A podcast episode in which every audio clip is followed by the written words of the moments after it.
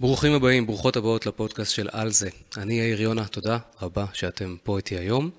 עבר הרבה זמן מאז שהעליתי פרק חדש, וואי, זה נשמע כמו כזה בתא וידועים של הכומר. עבר הרבה זמן מאז שהתוודעתי. אמ, למה אני שואל את השאלה? כי לפני ארבעה חודשים הגענו לקופנגן, תאילנד, והמקום הזה הציף בי אין ספור טריגרים שלא הייתי מודע לקיומם, לא הייתי מודע להשפעתם, ופשוט היה הרבה יותר מאתגר להיקלט כאן, למרות שגם אני, כמו שהרבה אנשים חושבים בחוץ, חשבתי שזה מקום כזה גן עדן טרופי שהכל קל בו ורק אננס וכולי וכולי, אבל בגלל סגנון החיים האחר, בגלל שלא עברנו לאיזושהי עיר אירופאית שדומה לתל אביב, אה, זה פשוט מוציא פשוט מלא, מלא שיט החוצה. הרבה דברים שקשורים להתמודדויות שלא היינו מורגלים בהם, אולי אני אעשה איזה פרק בהמשך, אבל אה, אה, זה היה חתיכת עניין, בקיצור. בתוך כל זה, העמקתי את ידיעותיי ולימודיי בכל מה שקשור לעולמות של אה, של הנפש, כי ראיתי שאני לא מצליח להתמודד עם דברים, או, קורים איזשהם, קורים כל מיני טריגרים שאני לא מכיר את, ה, את הריאקציה שלי אליהם, וככל שהתעמקתי בעולם הזה, התחבר לי בעצם שהמרכז, מרכז המרכזים של הטיפול בי, ואני מתחיל להבין שזה די רלוונטי לכולם, צריך להתחיל בעצם בגוף, וזה בעצם הנושא של הפרק שלנו היום. כי זה גם נתן לי את התמריץ להעלות את הפרק הזה, אה, אבל דווקא להעלות אותו מזווית וסיפור של אחד מלקוחותיי, שאנחנו אה, עושים ביחד אה, שיחות ייעוץ כבר מעל שנה. ו... ובפרק הזה היום אני רוצה לדבר בעצם על איך אפשר, איך אפשר לזהות בעצם את התקיעויות שלנו, לא במובן הפסיכולוגי, אלא דווקא במובן האנטומי הפיזיולוגי. ובעצם אותו בחור אה, נפגש איתי השבוע בזום אה, לשיחה, וכמו שאמרתי, אנחנו כבר מעל שנה עובדים ביחד, וככל שאנחנו עובדים ביחד, אנחנו רק מעמיקים יותר ויותר ויותר את הצלילה לתוך מה הדברים שבאמת תוקעים אותו בהתקדמות שלו. בהתחלה, מן הסתם, זה היה כל מה שקשור לסדר וארגון וכל הדברים האלה, שזה אף פעם לא באמת העניין. וברגע שניקינו, הצלחנו לנקות ולהתחיל להשריש הרגלי עבודה יותר טובים, אז בעצם גילינו שזה לא כל האמת, ובתוך, מתחת לכל הדברים האלה, מתחת לסדר ולארגון, יש בעצם נפש שיש לה את הדרישות שלה, אה, והיא לא כנועה לתכתיבי השכל. ואני חושב שדווקא המקרה הזה, אולי, חשבתי שהוא יהיה ראוי לעשות עליו פרק, כי אני חושב שהוא יכול לתת, אה, לעשות הרבה שכל ולהסביר אה, לא מעט מהדברים שאולי אתם ואתן, שמאזינים ומאזינות, או צופים וצופות, מתמודדים איתם. אז נפגשנו בזום, והוא שבוע לפני כן היה סופר כזה שמח וכזה דברים זזים וכולי וכולי, והכל היה כזה, הייתה פגישה כזאת של בן אדם חי, ממש בן אדם חי. והפעם כשנפגשנו, הבן אדם פגש אותי במנח גוף מאוד רדום, אם אתם מקשיבים לזה בפודקאסט אתם לא, לא תבינו, אבל אם אתם צופים בזה ביוטיוב אז זה נראה ככה. זה ככה בן אדם ישב, כן? כזה מרוח בתוך הכיסא. ואז אמרתי לו, מה, מה קורה? אז הוא אמר לי, כן, זה לא עובד, וההוא לא בסדר, וזה, העובדים פה לא עושים את מה שאני צריך, וזה, אני מאבד את השליטה על זה. ו... כאילו, רשימת מכולת של כל הדברים הגרועים שהוא כל כך לא רצה להיות בהם, ופתאום שם הוא היה. אתם מכירים את זה, למי אין את היום הזה שבו אתם קולטים שכל החזיתות בעצם נראות ממש ממש גרוע. הוא אמר שהדבר שהכי מתבאס עליו זה שהוא מרגיש שאין לו גישה לשכל הישר שלו בכלל, אה, שהוא רגיל, אם היה לו את השכל הישר שלו, היה רגיל לפתור את זה, היה פותר, היה כאילו בן אדם עם תושייה, בן אדם שמנהל אה, חברה, חברה ענקית בתחום אחד ועוד איזשהו ארגון לא קטן בתחום אחר. והוא התבאס על עצמו שאין לו, ה... לו אותו, אה, איפה אני? ואז שאלתי אותו, אמרתי לו, תגיד, מה אתה מרגיש כרגע בגוף? והתשובה שלו הייתה, in a way צפויה, כי הוא היה כל כך מרוח ובדאון, שהוא כזה, מה גוף, עזוב אותי, מה עכשיו, מה, מה, מה זה השאלות האלה, אה, מה, כל מיני כאלה.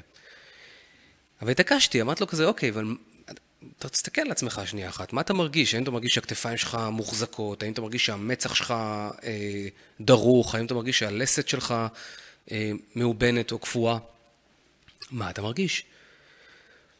ואז הוא התקשה אפילו להסביר את זה, למרות שכיוונתי אותו לאיברי גוף ספציפיים, הוא התקשה, הוא התקשה להבין מה הוא מרגיש שם. אז אמרתי לו, תגיד, יש מצב שאתה בחרדה? יש מצב שמה שאתה עובר כרגע זה חרדה? עכשיו, להגיד לבן אדם שלא מורגל לתפוס את עצמו כבן אדם עם חרדה, לשאול אותו האם אה, יש מצב שיש לך חרדה, זה שאלה שהרשיתי לעצמי לשאול אותה רק בגלל שאנחנו מכירים ממש ממש טוב כבר בשלב הזה. הוא כמובן אמר לי, לא, זה רק בגלל שאני כזה לא מספיק על זה, ולא מספיק הייתי אה, אני, ואפילו מצאתי את עצמי יושב השבוע שעתיים רואה נטפליקס, שזה דבר שלא קרה אף פעם, או, או כמה שנים, לצורך העניין. אה, אני, שאני אראה נטפליקס במשך שעתיים, כאילו, מה נסגר, זה לא אני, וכולי וכולי. אומרת, לא היה מוכן להכיר בך שיש לו חרדה. ואז אמרתי לו, תראה, כל אחד מה, מהבעיות שאתה מתאר, מהאתגרים שאתה מתאר, אמורה להציף אצלך תחושה של אי נחת, בוא נעזוב את המילה חרדה, של אי נחת רצינית. עכשיו, מה זה האי נחת? בסופו של דבר אנחנו בנויים על pleasure and pain, נכון? או שאנחנו נהנים משהו, או שיש לנו איזשהו כאב מסוים. לרוב, גם אם מה שאנחנו תופסים אותו כסטגנציה, הוא ילך בסופו של דבר לכיוון, לכיוון הכאב ולא לכיוון ה-happiness, לא לכיוון האושר. אה, אם נזניח את הדבר הזה להיות הרבה זמן בסטגנציה. אז, אז אמרתי לו, יכול להיות שכל הדברים האלה בעצם מצביעים, אה, כל אחד מהסיטואציות בנפרד, מייצר לך משהו מסוים של אי נחת כזה, של, של משהו שלא עובד וזה מאיים עליך באיזושהי צורה? ואז הוא אמר לי, כן. ואז הוא אמר לי, כן, בזה זה אם אני, זה שהעובד הזה לא עושה את הדבר הזה והזה, זה גורם לי להרגיש שאני ככה וככה, וזה שההוא לא עושה את מה שאני ביקשתי פה, זה גורם לי להרגיש שאני ככה וככה, והכל כזה כמובן נהיה שק של דברים ש... אה, כזה והכל כזה הופך להיות סוג של בעיה אחת גדולה בסופו של דבר, מין שק של בוץ וקקה כזה גדול שאיתו הוא מסתובב בעולם, ולך תתמודד עכשיו עם מורכבות, עם בעיה שהיא בעצם בתכלס מורכבת ממלא מלא אתגרים קטנים או בעיות קטנות, אבל אין באמת בעיה אחת גדולה. יש את מה שהראש שלנו מצייר בתור אני עכשיו נמצא בתוך הסיטואציה הזאת שיש לי בעיה אחת מאוד גדולה, שהיא בכלל אני שלא יודע לפתור את כל הבעיות הקטנות שמרכיבות הבעיה הגדולה הזאת. מבינים מה אני אומר? אמרתי לו, תראה, האם אתה יכול להסכים איתי, אפילו אם, אני, אפילו אם אתה לא חושב שאני צודק, אבל רק להסכים איתי לצורך הדיון שמדובר בחרדה בעצם. למה אני מתעקש את העניין של החרדה? ותכף תבינו את זה, כי ההכרה בעצם שמה שאני חווה עכשיו זה לא אני לא מרוצה מעצמי, אלא זאת חרדה, או פחד, או מצוקה, לא משנה מה. כאילו להגדיר את זה, אני חווה כרגע מצוקה, אני חווה כרגע איזה פחד, אני חווה כרגע אי נחת מאוד מאוד גדול שאפשר להגיד, מאיים עליי. האי נחת הזה מאיים עליי שאני לא מספיק ככה ואני לא מספיק ככה ו-I'm not good enough, וכל מיני דברים שהתחילו בתור סתם במרכאות בעיות ניהוליות, הפכו להיות משהו שהוא מצביע על אופי מבחינתו. הנה, אני, הנה אני שוב. קורה לי הדבר הזה והזה. והוא זרם איתי, למרות שהוא לא היה לו נוח להסתכל על זה בתור חרדה, הוא זרם איתי. אמרתי לו, יופי, מעולה. אמרתי לו, תראה, בוא נדבר רגע על מה שקורה לך כרגע בגוף. אמרתי לו, אם כרגע המוח שלך תופס את הסיטואציות האלה בתור סיטואציות מאיימות, מבחינתו של המוח שלך, הוא לא יודע אם מדובר באיום קיומי, סטייל, צ'יטה הולכת לאכול אותך, או שמדובר ב... באיומים האלה שהם לא איומים קיומיים, הוא לא יודע להבדיל את זה. זאת אומרת, המוח יגיב לסיטואציית האיום באותה צורה, אוקיי? וכשהמוח מגיב לסיטואציית האיום באותה צורה, לצ'יטה וגם לזה, הצד הפיזיולוגי שלנו יגיב בדיוק אותו דבר. תכף נדבר, נעשה, כרגע, נעשה רגע תזכורת על הצד הפיזיולוגי, זה מאוד מאוד חשוב, או יותר נכון על הצד הנוירולוגי, איך המוח שלנו עובד. אבל בעצם מה שקורה, זה שכל מערכת העצבים שלו, מערכת העצבים הסימפתטית שלו, הופכת להיות במצב דריכות ש... של משהו שהולך להגיע, סכנה הולכת להגיע, אוקיי? כשמשהו קורה לו, שמרגיש עליו מאיים, הוא נדרך, מה שקרוי, מה זה נדרך? הוא, מערכת העצבים שלו הופכת להיות בצד שמערכת העצבים הסימפטית שהיא בעצם שול... סוג של מנתקת את המוח הישר שלו. עכשיו, מה ההבדל בין זה שאוכל הולך לאכול אותי אריה לבין, או סכנת חיים אמיתית, לבין הסכנת, הסכנה הזאת שהמוח שלו מפרש, שהגוף שלו מפרש בתור סכנת חיים, אבל הוא בתוך תוכו יודע שזאת לא סכנת חיים. ההבדל הוא מידת המשקל והתפקוד של השכל הישר שלו בתוך הסיטואציה. זאת אומרת, אם הוא עכשיו היה מרגיש איום מאריה, הוא לא היה מסוגל לעשות לזה רציונליזציה, הוא היה הרבה יותר קשה לעשות לזה רציונ... רציונליזציה, כן? אלא אם כן האריה היה בכלוב. אם האריה היה בכלוב, הוא היה עובר ליד האריה, ובלי לשים לב, האריה פתאום היה נובח, אה, נובח עליו, והיה שואג עליו, הוא היה מתאבן במקום, כמו שאנחנו מצפים מהגוף שלנו להגיב בסיטואציה כזאת, כן? אבל תוך שנייה, ברגע שהוא היה רואה את הסורגים של, של, של הכלוב של האריה, הוא היה מבין, השכל הישר שלו היה מבין, שמדובר במשהו שלא מהווה סכנה, ואז השכל הישר שלו בעצם היה הופך להיות הדבר ששולט בסיטואציה, היה, ובעצם אומר שפתאום יש אותו כאדם. זאת אומרת, הוא מבין, אה, אני לא צריך עכשיו להיבהל מהאריה, כי האריה הוא מאחורי, מאחורי כלוב, וכל הסיטואציה פתאום משתנה, אוקיי? אבל אם הוא היה הולך ברחוב ורואה אריה שמתחיל לרדוף אחריו, לא היה לו שכל ישר, הוא היה פשוט מתפקד אך ורק כגוף. האך ורק בגוף, כגוף כזה, זה בעצם המהות של התחלתה של טראומה בכלל, כן? זאת לא, זה לא נושא הפרק, אבל אני אזכיר את זה בחצי מילה. טראומה היא בעצם האירוע שקורה, כן? נפצענו בנפש, טראומה זה פצע, כן? נפצענו בנפש מתוך איזושהי סיטואציה, כן?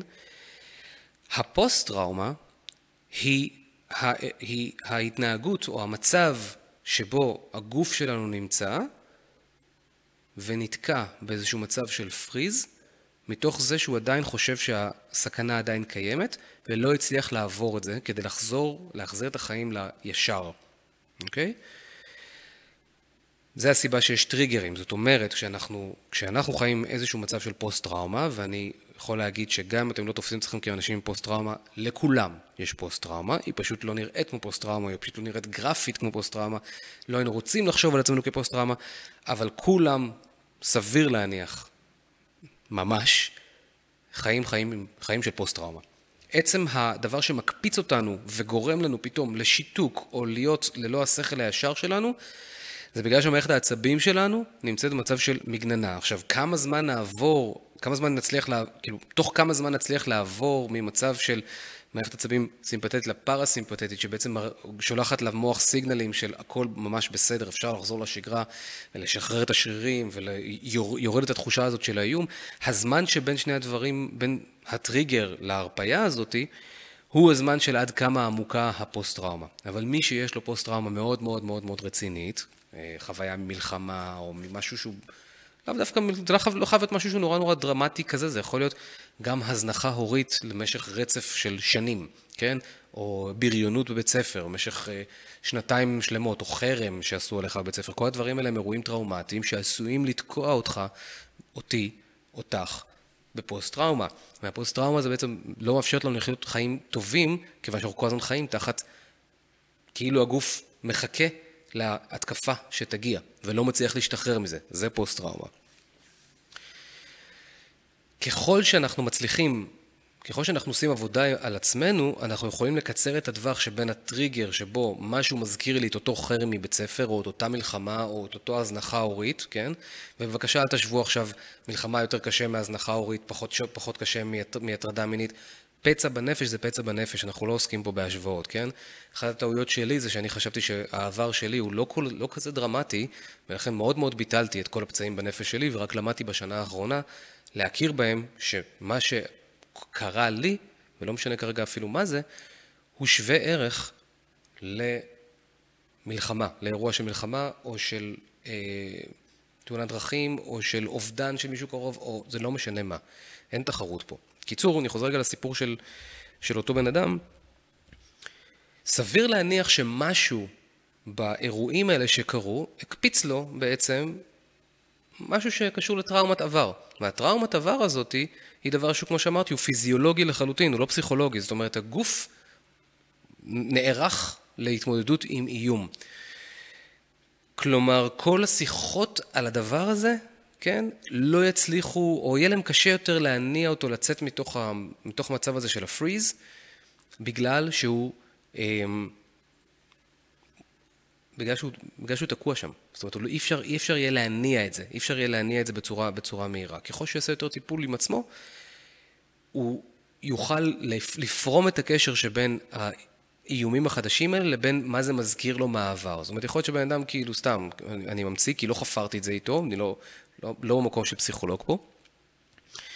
אה, יכול להיות שברגע שהוא אה, חווה את אותם, את אותם אה, איומים, זה הזכיר, והוא, והוא חשב, בואנה, אני לא מצליח להיות בשליטה על הדבר הזה, זה הזכיר לו, בצורה בתת, בתת מודע שלו כמובן, איך ההורים שלו תמיד ביקרו אותו על זה שהוא לא לוקח אחריות על ככה וככה, לא יודע, משהו בסגנון הזה, כן? זה, זה הרי הכל יכול להיות עם הכל. יש לי חבר פה שגר פה בקופנגן, שהוא מטפל בפוסט-טראומה, הוא אמר לי, תשמע, פוסט-טראומה, כאילו כולנו עברנו טראומה מעצם זה שכל משבר אמון של ילד עם העולם פוצע במקום מסוים. עכשיו השאלה היא באופי של הילד, ביכולת של הילד להכיל, בסביבה שלו, כמה זמן הפצע הזה באמת מדמם, וכמה, זה, או לעומת הדברים האחרים שהם משברי אמון, לא נתת לי, לא קנית לי גלידה, וממשיכים הלאה, נכון?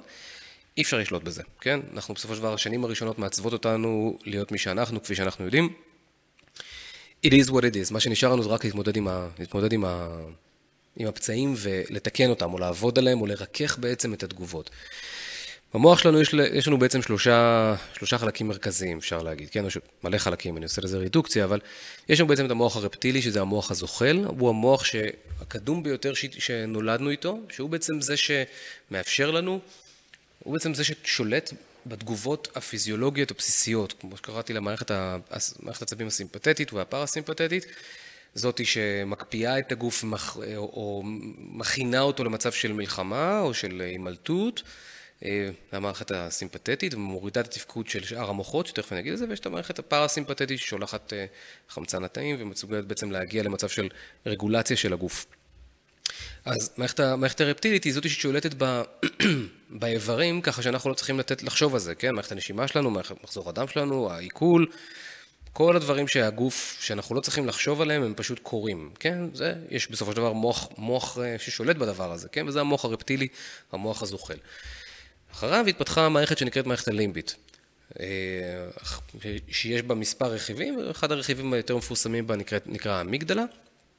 בעצם המערכת, המערכת הלימבית תפקידה בגדול בגדול לעשות את הוויסות הרגשי שלנו, כלומר לזהות האם אנחנו במצב של איום או האם אנחנו לא במצב של איום, מה אני כרגע קולט מהעולם, איך אני מפרש את הדבר שאני קולט מהעולם, איך אני מפרש אותו לעצמי במושגים שלי ועל בסיס הדפוסים שלי וההיסטוריה שלי.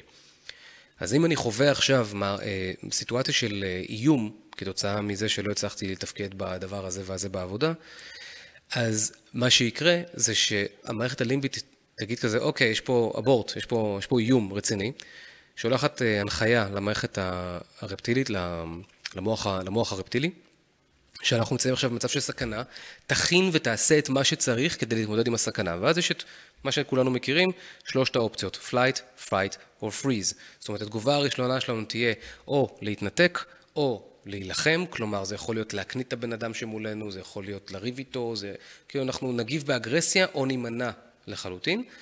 ואם שניהם לא הצליחו להתמודד עם, שתי האופציות האלה לא הצליחו להתמודד עם האיום, אנחנו נגיע לאופציה השלישית, שהיא מצב של freeze, של קיפאון. זאת אומרת, אני יודע שהימלטות לא, לא תעזור לי, אני יודע שמלחמה לא תעזור לי, כל מה שנשאר לי זה פשוט לקפוא, ואני לא יכול לזוז. כולנו זוכרים איך כולנו הרגשנו בשבועות הראשונים אחרי המלחמה, ואולי חלקנו עדיין אה, גם מרגישים את זה ומרגישות את זה. המצב הזה של קיפאון, שבו אין לנו איך להילחם, ואין לנו איך לברוח. זה פשוט עוטף אותנו, ואיפה שאנחנו אנחנו צורכים את החדשות, צורכים את הסושיאל, זה, זה פשוט עוטף אותנו, אין לאן לברוח מהדבר הזה. זה של כולם וכולם ביחד עם זה. אז מה שנוצר, מה שנותר בעצם, זה מצב של קיפאון. עכשיו, שום דבר מהדברים האלה הוא לא דבר שבחרנו בו, כן? זה הכל תגובות אוטומטיות מיידיות. אז, אמ, זו המערכת, המערכת הלימבית, ומעליה, שהתפתח אחר כך, זה מה שקרוי ה-prefrontal cortex, הקורטקס הקדמי. המוח הישר, השכל הישר, סליחה, האנליטי, החושב, המנתח, היודע להציב יעדים, היודע ללכת אחרי יעדים.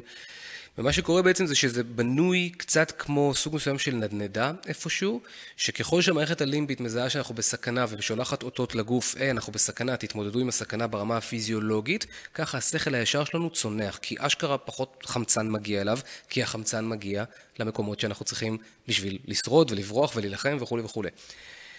וככל שהשכל הישר חוזר לתפקודו, אנחנו יורדת פעילות המערכת הלימבית ובעצם הגוף, והיא שולחת כמובן התראה למערכת הרפטילית, המוח הזוחל, הכל בסדר, אנחנו חזרה לשגרה. עכשיו זה פינג פונג שכל הזמן קורה בין המוח הרפטילי למוח, ה, למוח ה, אה, למערכת הלימבית. אז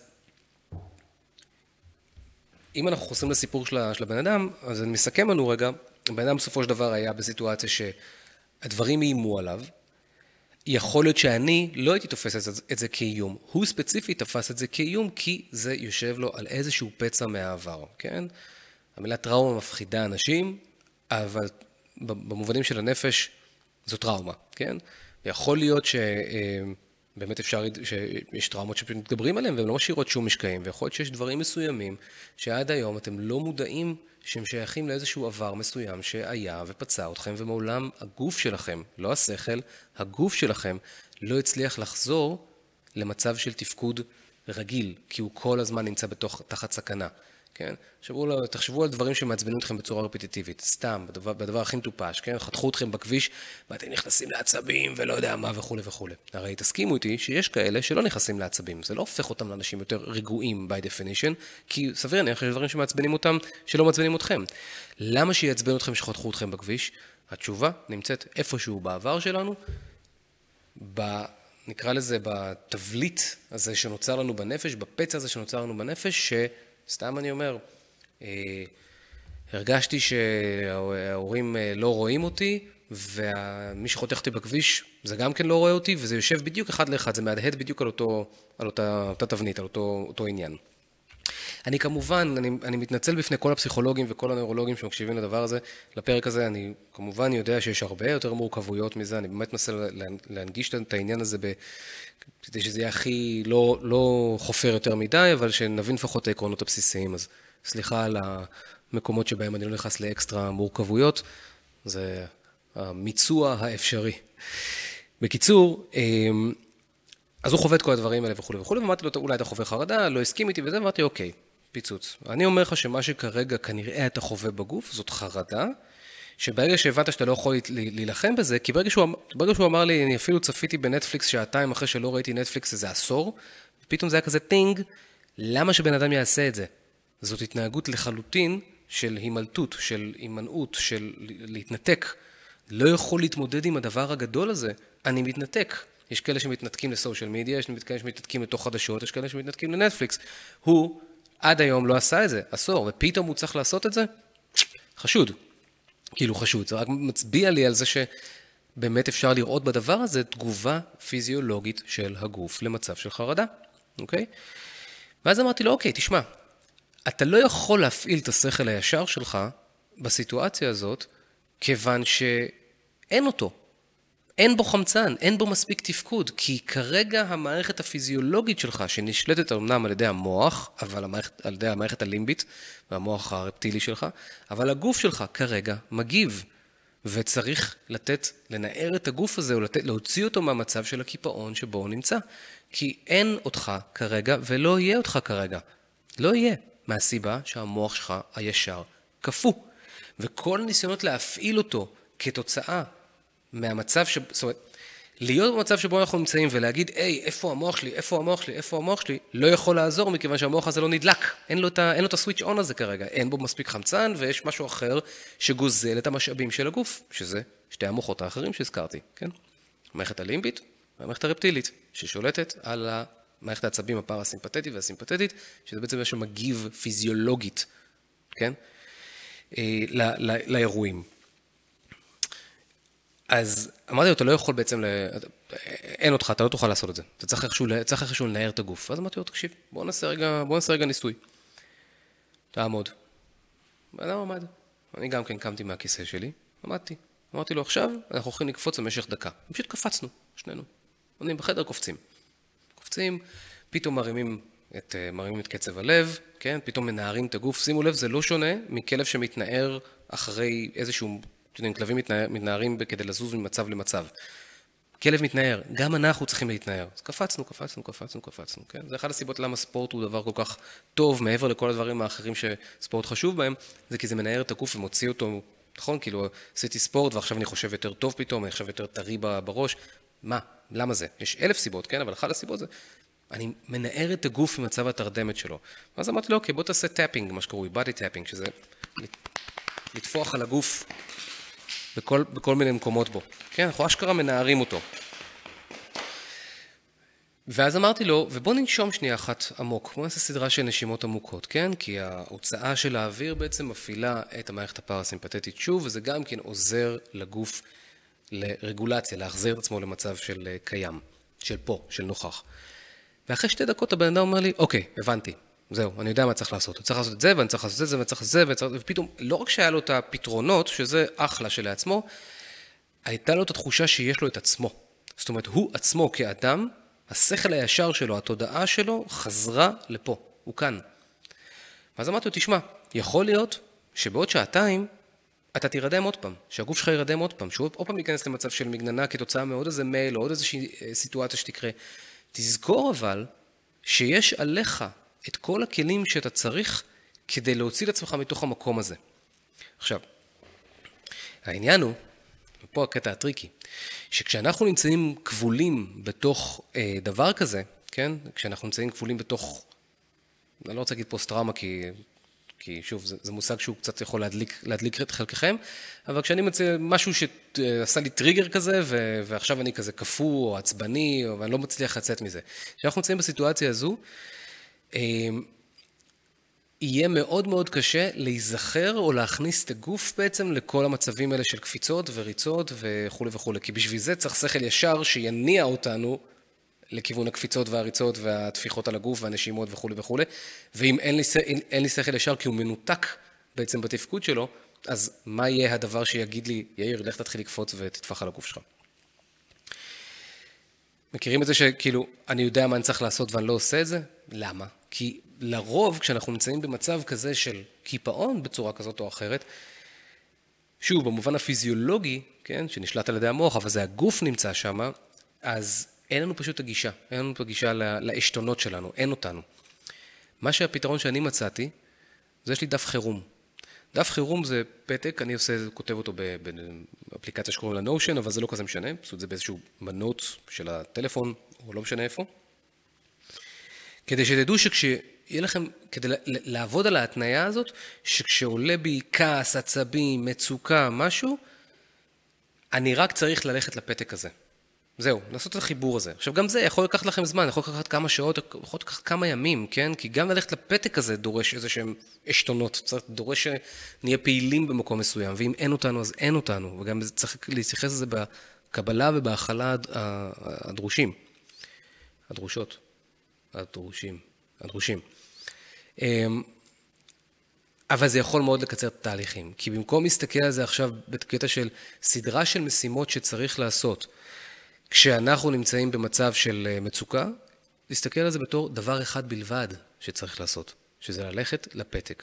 ובפתק אני כותב לעצמי את כל הדברים שעוזרים לי לצאת מהמצב שבו אני נמצא. אז יש בוא נגיד, קודם כל תעצור לנשום עשר דקות. נשימות מעגליות, מה שקרוי, אה, נשימות אה, קופסה, מה שקרוי, ארבע, ארבע, ארבע, ארבע, שזה בעצם ארבע דקות אה, שאיפה עמוקה, ארבע דקות להחזיק את האוויר, ארבע דקות אה, נשיפה החוצה וארבע דקות להחזיק. ואז עוד פעם ארבע וארבע וארבע. זו טכניקה מעולה להרגעת המערכת העצבים הסימפתטית והכנסת המערכת העצבים הפרסימפתטית לפעולה. אה, ואני מזכיר שוב, מערכת העצבים הסימפתטית היא זו שאחראית על תגובת הגוף מצבים של קיצון וקושי ואיום וכולי וכולי, מערכת העצבים הפרסימפתטית היא זו ש... מאפשרת את הרגולציה של הגוף, את ההרגעה וכולי. אוקיי. מי שאמרה לי במייל אתמול, כתבה לי במייל שאני משתמש במילה וכולי יותר מדי, אז אני מנסה לשים לב מתי אני תוקע את המילה הזאת. קיצור, אה, אז בפתק הזה יש בעצם, אה, קודם כל תעצור לנשום. אז האם אני כל פעם מצליח לנשום עשר דקות? לא, לפעמים אני מכסתח את זה ואני כזה, תן לי חמש דקות וזה מה שיש לי. בסדר, זה מה שיש, זה מה שיש. לא, לא מכניס עכשיו גם עצבים ותסכול על, על זה. וכתוב לי שם אה, צא להליכה של עשר דקות מסביב לבלוק, כי אני, אל עכשיו תשים נעליים ותתלבש לריצה ותעשה פעילות ספורט, אל, אל, לא להוסיף עוד מורכבות. כמו שאתה, צא החוצה, סתובב, לך סתובב. אצלי זה לא בדיוק בלוק, אני גר באמצע הג'ונגל, אז לך סתובב בתוך היער, שזה גם מעולה, כי אני גם מגשים את החלק הבא בפתק, שזה תראה טבע. אם הטבע לא נמצא זמין לידי, יהיה לי הרבה הרבה יותר קשה להיכנס לאוטו עכשיו, או לנסוע לתוך יער. פה אני יוצא מהבית ואני נמצא בתוך יער, לשמחתי, אז אני יכול לשלב את שני הדברים האלה. החלק הבא שיש לי בפתק, זה אה, תכתוב יומן. זאת אומרת, תכתוב עכשיו את המחשבות שלך. אחרי הנשימות, ואחרי ההליכה, ואחרי שכאילו הגוף כבר נכנס לאיזה מצב של רגולציה, אני יכול לכתוב את המחשבות שלי, אוקיי? יכול להיות שיהיה נכון בשבילכם לכתוב את המחשבות קודם, כי זאת תהיה הדרך לשחרר את עצמכם לפני כל הספורט, כן? גם אצלי, אני כל פעם משחק עם הסדר. אבל הנקודה היא שיהיה לכם איזשהו צ'קבוק, צ'קבוקס אה, כאלה, אה, סליחה, צ'קליסט כזה, שכותב את כל הסעיפים שאתם יכולים לחשוב עליהם, שגם יכניסו תנועה לגוף, כמו שאמרתי, קפיצות, הליכה, אה, טפיחות על, ה, טפיחות על, ה, טפיחות על הגוף זה פחות תנועה, אבל באמת קפיצות או הליכה או ריצה או משהו כזה. וגם אה, עבודה עם נשימה, כן? לפחות תעשו חמש דקות, שבע דקות, עשר דקות, כאילו משהו שהוא רציני, לא כזה 25 שניות לצד ידי חובה, אלא תשתמשו בזה בתור מנגנון להרגיע את מערכת העצבים ולהכניס יותר רווחה לגוף, כי הכל פיזיולוגי. אני חוזר שוב ואני אומר, כל התחושות האלה, כל המצוקות, כל הבעיות, כל האיומים, בעוד שאנחנו יכולים לדבר על זה ברמה הפסיכולוגית ולנסות להבין את המקורות שלהם וכולי וכולי, התגובה עצמה היא עניין של אנטומיה בסיסית. כן? מערכת העצבים שלנו בגוף שנשלטת על ידי שתי המוחות האלה, המערכת הלימבית והמוח הרפטילי הזוחל שלנו. אז ברגע שיש לנו את הבעיה הזאת, שיש לנו את העניין הזה של המצוקה, אז אנחנו פתאום יכולים להגיע למצב שכל אה, מה שאנחנו צריכים לזכור זה שיש פתק. עכשיו, אני שמתי אותו בתור איזשהו widget כזה על הטלפון, כן? יש לי במסך הראשי בטלפון שלי, אין אפליקציות בכלל. יש שם אה, כזה widget שמחבר ל Notion לעמוד של אה, אה, שבו אני מרכז את הדברים שאני רוצה לשמוע ולצפות וכולי וכולי, ויש את העמוד חירום, כן? אה, ועמוד חירום, זה כאילו, כשאני פותח את הטלפון, יהיה לי את העמוד חירום ולא צריך להתחיל לחשוב על זה, זה פשוט שם, זה נמצא שם על ה desktop שלי, ברמה של כאילו, מה שנמצא על ה desktop שלי זה, זה הדברים הראשונים שאני אשאף לצרוך. לכן, כאילו, אני גם מרחיק מה desktop אה, אפליקציות שאין לי עניין שישתו לי את השכל, כן? ואני ממליץ לכם גם כן לעשות את זה, זה מאוד יכול לעזור לכם. כל פעם אתם פותחים את הטלפון אלף פעם ביום, שלא, כל, שלא אלף פעם ביום יהיה לכם את האייקון של אינסטגרם, כי אתם לא תוכלו לעמוד בפני זה ואתם תיכנסו לאינסטגרם או לטיק טוק, מה שזה לא יהיה. קיצור, אז רק בשביל לסכם לנו את כל מה שאמרנו, יש לנו אה, מצוקות, או יש לנו בעצם אינסידנטים מסוימים בחיים שעולים ואנחנו לא יכולים לשלוט עליהם, והם יפעילו אצלנו טריגרים קדומים שכנראה נמצאים שם בגלל פצעים שונים מהעבר. וגם על זה אנחנו לא יכולים לשלוט, זאת אומרת הטריגרים יעלו anyway. הדבר היחידי שאנחנו יכולים לשלוט עליו זה כמה זמן אה, נוכל, כמה זמן נוכל, תוך כמה זמן נוכל להרגיע את הקפיצות הזאת שהגוף נכנס אליה, את ה-fight flight freeze שלו. תרגול יומיומי של מדיטציה ושל מיינדפולנס מאוד מאוד מאוד מאוד מאוד מאוד עוזר לקצר את הטווח שבין עליית הטריגר לבין זה שאני אלך לעמוד חירום. זה לא יבטל את הטריגר, זה פשוט יקצר את הטווח שבין טריגר ל response. אמ, אז זה דבר ראשון. דבר שני, לעשות את העמוד חירום הזה בעיניי זה דבר שמאוד מאוד יכול לעזור לכם, כי אתם לא צריכים לחשוב על כלום, אתם רק צריכים להיזכר שיש עמוד חירום, ואז יש לכם checklist שאתם צריכים ללכת אליו, כמו טייס, כמו מנתח, כמו או טייסת או מנתחת, מכונה, יענו, יש guidebook לאיך הדבר הזה צריך לעבוד. לא לנסות להסתמך על זה שהמוח הישר שלי אה, יבין ואני אדע מה צריך לעשות. bullshit, אין אותנו. כשאין אותנו אז אין אותנו. אז ממש נכתוב לעצמנו את הדברים. אבל מעל הכל אני חושב שהדבר הכי חשוב בסיפור הזה הוא העניין התודעתי, העניין של ה mindset. שהגוף שלנו הוא הדבר ששומר בעצם את הקיפאונות או את התגובות. זה הכל כתוב בגוף. יש כזה ספר מעולה הזה שסיימתי לקרוא, אה, נרשם בגוף של בסל ואן דר קולק, קולק. הוא גם תורגם לעברית, ספר מעולה על טראומות. ממליץ אותו בחום רב גם למי שלא תופס מעצמו כאדם עם טראומה. זה יכול לפתוח לכם את הדלת אה, להבין קצת יותר את עצמכם. אבל העניין הוא ש... ההבנה הזאת היא שזה לא מדובר בעובדים האלה שלי שהתבאסתי עליהם, או שביאסו אותי, או שאני לא הייתי מספיק טוב בדבר הזה והזה. כל הדברים האלה זה נרטיבים פסיכולוגיים מאוד, כן? או אני כועס בגלל שההוא עצבן אותי כי זה מזכיר לי את אה, אבא שלי. גם זה לא מספיק. מה שחשוב זה תמיד לרדת לתחזוקת הגוף ולהבין שהגוף שלנו הוא הדבר ששולט בכל הסיפור הזה, וככל שאנחנו נפנים את זה ונתאמן על זה, כי זה דבר שדורש אימון, אין מה לעשות, ככל שאנחנו נתאמן על הדבר הזה, אנחנו נוכל להחזיר את עצמנו חזרה לחיים הרבה יותר מהר. הבן אדם, שתי דקות של קפיצות וטפיחות גוף ונשימות קצת, ממש, עשינו כמה שניות של נשימות, חזר לעצמו. למה? כי הוא האיר את הגוף שלו. מה שהוא לא הצליח לעשות עם השכל, קרה דרך הגוף. זה הכל נכתב בגוף. זהו, אז אני מקווה שהיה לכם פרק, אה, פרק מעניין ושנרתמתם. אתם מוזמנים לשתף אותי בקומנטים, האם הנושא הזה דיבר אליכם, איך הוא דיבר אליכם. כמובן, להצטרף ולהירשם לפודקאסט של אז אה, איפה שאתם מקשיבים לפודקאסטים. ולהצטרף לניוזלטר, יש לינק לניוזלטר שלי, אתם ממש מוזמנים. זהו, אני מקווה שיהיה לכם, אה, שיהיה לכם מעניין. דש בבית, שיהיה לכם שבוע סופר שקט. ביי.